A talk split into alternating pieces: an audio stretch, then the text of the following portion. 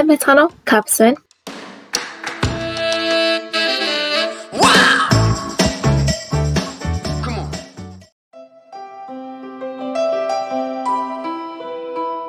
Үзтэн шин 7 хоногийн мэд төвшүүлье.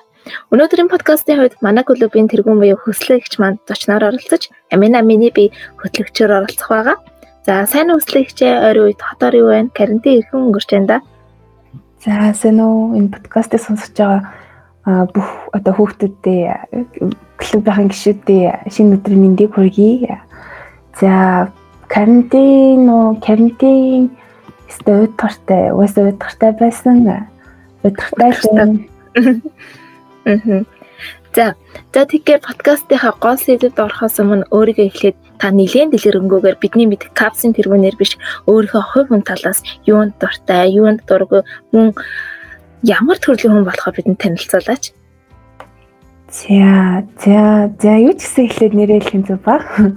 За та бүхний мэддэг тэргүүн өслөн байна. За тэгээд энэ жил одоо 8 сар 20-наас хүрэх байгаа. За дуртай юм гэх юм бол за яг ерөнхийдөө яг миний хобби гэх юм бол ингээд бичлэг эдитлэх сонирхолтой. Тэгээд зав зай энэ төр гарах юм бол эдитлдэг өөрөө YouTube-ээс бичлэг энэ төр үзээд сурдаг.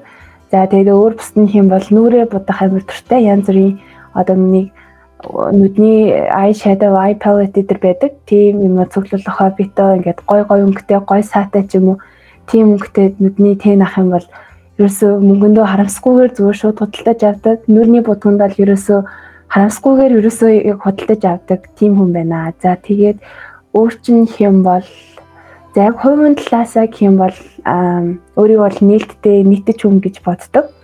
За угаасаа нөгөө нэг 16 personality гэдэг тестээр миний extrovertive чинь бараг 80 аагүй 70 хэдээвтэй гарч ирсэн. Ер нь бол extrovert төрлийн хүн. Аа. Ерөнхийдөө бол одоо бодох нь мөнгө нөгөө үрддэггүй эмэгтэй хүн болгон гэж байдаггүй хаа. За. За дараагийн асуулт болохоор баг уламжлал болсон асуулт байх. Тэгэхээр та яаж санхуд орсон бэ? Эсвэл өөрөө өсөл дээр үү, эцэгийнхээ өсөл дээр орсон уу? Мм санхуд за наач нь бол за яг эцэгхийн хүсэлт гэхэд хэцүү, өөрийнхөө хүсэлт гэхэд бас жоохон хэцүү. Тэгээд яг 10 жилээ төгсөөд ингээд яг зөв мэрэгчлэл тодорхойлсон байсан. Эдийн засагч болно бол эдийн засагч болно л гэж боддог байсан. Тэгээд ингээд яг эдийн засагч гэдэг мэрэгжил юу хийдгийг, яадгийг гэдгийг ерөөсөө мэдэхгүй. Тэгсэрнээ зүгээр л эдийн засагч болно л гэсэн бодолтой. Тэгээ ямар сургууль сурхаач бодоогүй тий би баг оноо тэмцэл мөн санхүүгийн нэгт орнооч гэдэг юм уу. Тэгээ ерөөсөө нэг тийм бодолтой явж исэн. Тэгсэн чинь харин манай ингээ гэрийнхнаас ингээд санхүүд ороо гэд. Тэгээ санхүүд орохсон чинь эдийн засагч гэдэг мэрэгчлээ ерөөсөө мэдхгүй мэдээж эдийн засагч болно л гэж бодоо яваад байсан. Миний төсөөлтөөс эдийн засагчаас ерөөсөө шал өөр юм намайг хүлээжсэн байлээ л дээ. Тэгээд ингээд гэрийнхэн ерөнхийдөө бүх санхүүгийн үндэс суурь нэгтлэн бодогч байдаг. Чи нябагаар ажиллах юм бол одоо нүунийг хөрвөөд дахиад өөр мэрэгчлэрч ажиллах боломжтой байдаг. Тийм учраас ингээд нэгтлэн бодогчоор сураа гэд. Тэгсэн болохоор ингээд за за санхүүдээ ч орлоо. За за тэгвэл нябагаад сонгочихъя гэд. Тэгэд ингээд санхуд ороод нэтлэн мотгочоор сурж байгаа. Тэгээд өөрөө ямар ч төлөвлөлтгүй байсан болохоор гэрийнхнээс санал болгоод тэгэл за за уусаа надад хязгаарлах зүйл байхгүй юм чинь гээд тэгээд ингээд одоо сурталчж байгаа. Аа. За тэгсэн чинь би бас яг адилхан ингээд сомлуулаад санхуд яг тань шиг тэгж орсон байдгийг.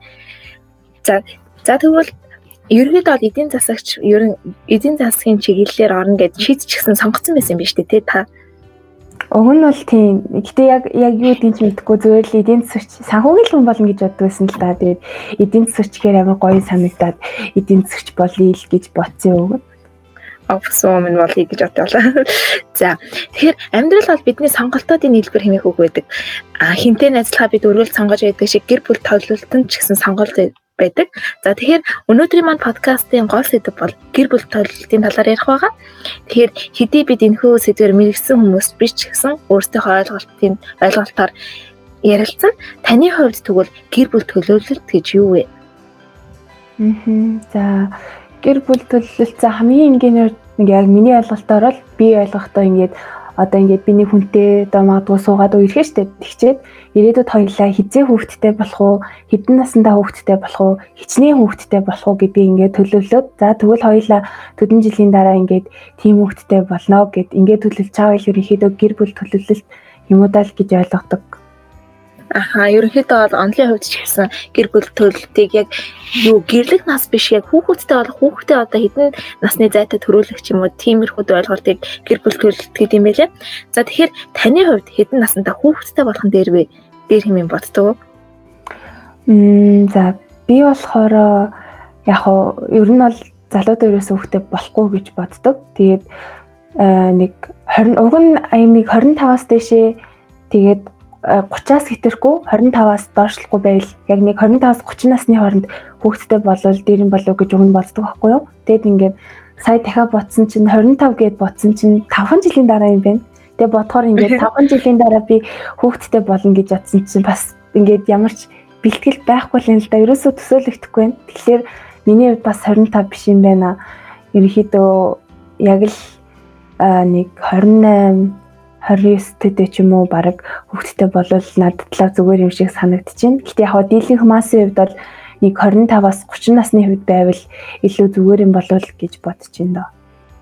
Мм. Ерөөдөө бол 25-аас 28 нас 30 насны үед нөгөө нэг ээжийнхэн заа гарын шин төлөвшөөд хүүхдүүд ч гэсэн нөгөө нэг юм эрен нөлөөтэй байдаг гэж сонссон. Би ээжийнхээ 29 наснда нарсан байхгүй юу? За би би болохоор юу яасан? Нүү би болохоор ээж 20 наснд гарсан баггүй юу. Тэгээд одоо чинь би 20 настай. Тэгтэл манай ээж яг над чиг байхдаа хүүхэд гаргаж исэн гэж бодохоор тэгээ миний хувьдлаа яг төсөөлө бодоход амар байна. Ингээд би баг өөрөө хүүхдэрээ байгаа юм бийж хүүхдтэй болж гинэ гэхээр бүр амар санагдчихээн. Тэгээд тэгэхээр ер нь бол 20 нас гэдэг бол нэлийн залуу нас. Тэгэхээр 20 нас бол ер нь хүүхдтэй болоход бас тохиромжгүй л юм шиг байгаа юм. Тэгээд одоогийн залуус болохоор нөгөө нэг хитрхи эрт хүүхэдтэй болоод тэгээд нөгөө нэг хитрхи залуутай хүүхэдтэй болчдөг. Нөгөө ихнэр ээж өрөөч бэлэн биш, аав нь өрөөч бэлэн биш. Тэгээд хүүхэдтэй болчдөг. Тэгээд хүүхдээ төрүүлэх хэвээр төрүүлэхгүй байх хэцүү, төрүүлэх хэцүү ингээд амар сонин сонголтод тулдаг. Тэгээд бүр болохгүй нөөс өр хүндлэлт гэдэг зүйлийг хийлээдэг. Тэгээд өр хүндлэлт чи өөр амар байж болохгүй зөө штэ. Хүний амийг хүний ерөөсөө адилхан тийм зүйл Тэгэхээр ерөнхийдөө гэр бүл төлөвлөлт бол нэлийн юм шиг байгаа юм. Харин тий ерөөсөө нөгөө нэг одоо дээр үед амар их юу байдаг гэсэн штеп багтаа төрдөг гэсэн чинь 2021 тэдээ бас манай гэрхэн ч гэсэн 2021 тэдээ анхны хүүхдүүдэд төрүүлсэн. Тэгэл ерөнхийдөө бол бас сал сарных асуудал ч гэсэн их байдаг. За. Тэгэхээр за дараагийн асуулт.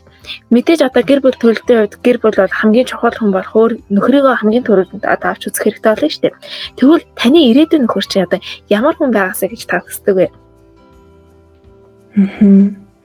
Наа чинь за яг нөхрийн хувьд за яг нөхөр гэдээ аваад үзэхээр аа за юу ч гэсэн хамгийн түрүүнд намайг ингээд байгаагаар минь хайрлах хүн байх хэрэгтэй. Тэгээд mm -hmm намайг ойлгодог хүн байх хэрэгтэй л гэж бодож байна доо. Ерөөсөө миний хийсэн сонголтыг хүндлэх, миний тэ гаргасан одоо сонголт гэдэг ч юм уу тиймэрхүү зүйлсийг хүндэлж чадах. Тэгээд намайг ямар ч үед яг байгаагаар минь хайрлаж чадах нэг тийм л хүн байл. Тэгээд нэг тийм үедээ суучхад бол болох хаа л гэж бодож байна. Хэрэг таныг таныг харж явдаг краш сонсч явлаа. Өөрийгөө бодоорой. За. За. За тэгэхээр ерөнхийдөө болохоор хоёулынхаа подкастын асуултууд ерөнхийдөө дуусч байна. Өндөрлж байна. За тэгээд өнөхөр подкастыг одоо сонсож байгаа сонсогчдоо нөгөө гол сэдвээ холбогдуулан хэлж өгөн гэр бүл төлөлтийн ач тус гэж юу юм бэ талаар одоо уншиж өгье. За гэр бүлийн төлөлтийн ашиг тус нь болохоор эхийн эрүүл мэндэд тустай За тэгээд их болоход биеийн болон сэтгэл санааны бэлтгэлтэй болцсон байдаг байна гэр бүл төлөлтөд. За тэнгүүтээ гарч одоо төрж буй хүүхдийн хүүхдийн эрүүл мэндэд ашигтай. Амь насанд аюу учруулж болох жирэмслэлтээс сэргийлдэг. Төрөлт хоорондын зайгаа зохицуулснаар өмнөх жирэмслэлтээр алдсан хүчээ нөхөж чаддаг юм байна. За тэгээд ерөнхийдөө бол гэр бүл төлөлтөөр одоо хамгийн номер 1 зүйл буюу одоо санхүүгийн нөхцөл байдал хамгийн сайн шийдэгддэг гэж үздэг юм байна. Бүсгүй хүмүүс хүсээгүй жирэмслэлтээс урьдчилан сэргийлэх буюу үр хөндлөлтөөс урьдчилан сэргийлж чадна. Мөн салалтаа сэргийлэх бат гэр бүлийн бат бөх үндэс суурийг бэлдэх мөн төр зүрийн сэтгэл хөдлөлт автан шийдвэр гаргахаас сэргээс сэргээлт юм байна. Гэр бүл төлөлтөй ашиг тусна. За ингээд манай подкастта байсанд баярлалаа. Капцайла. Баярлалаа. Баяртай.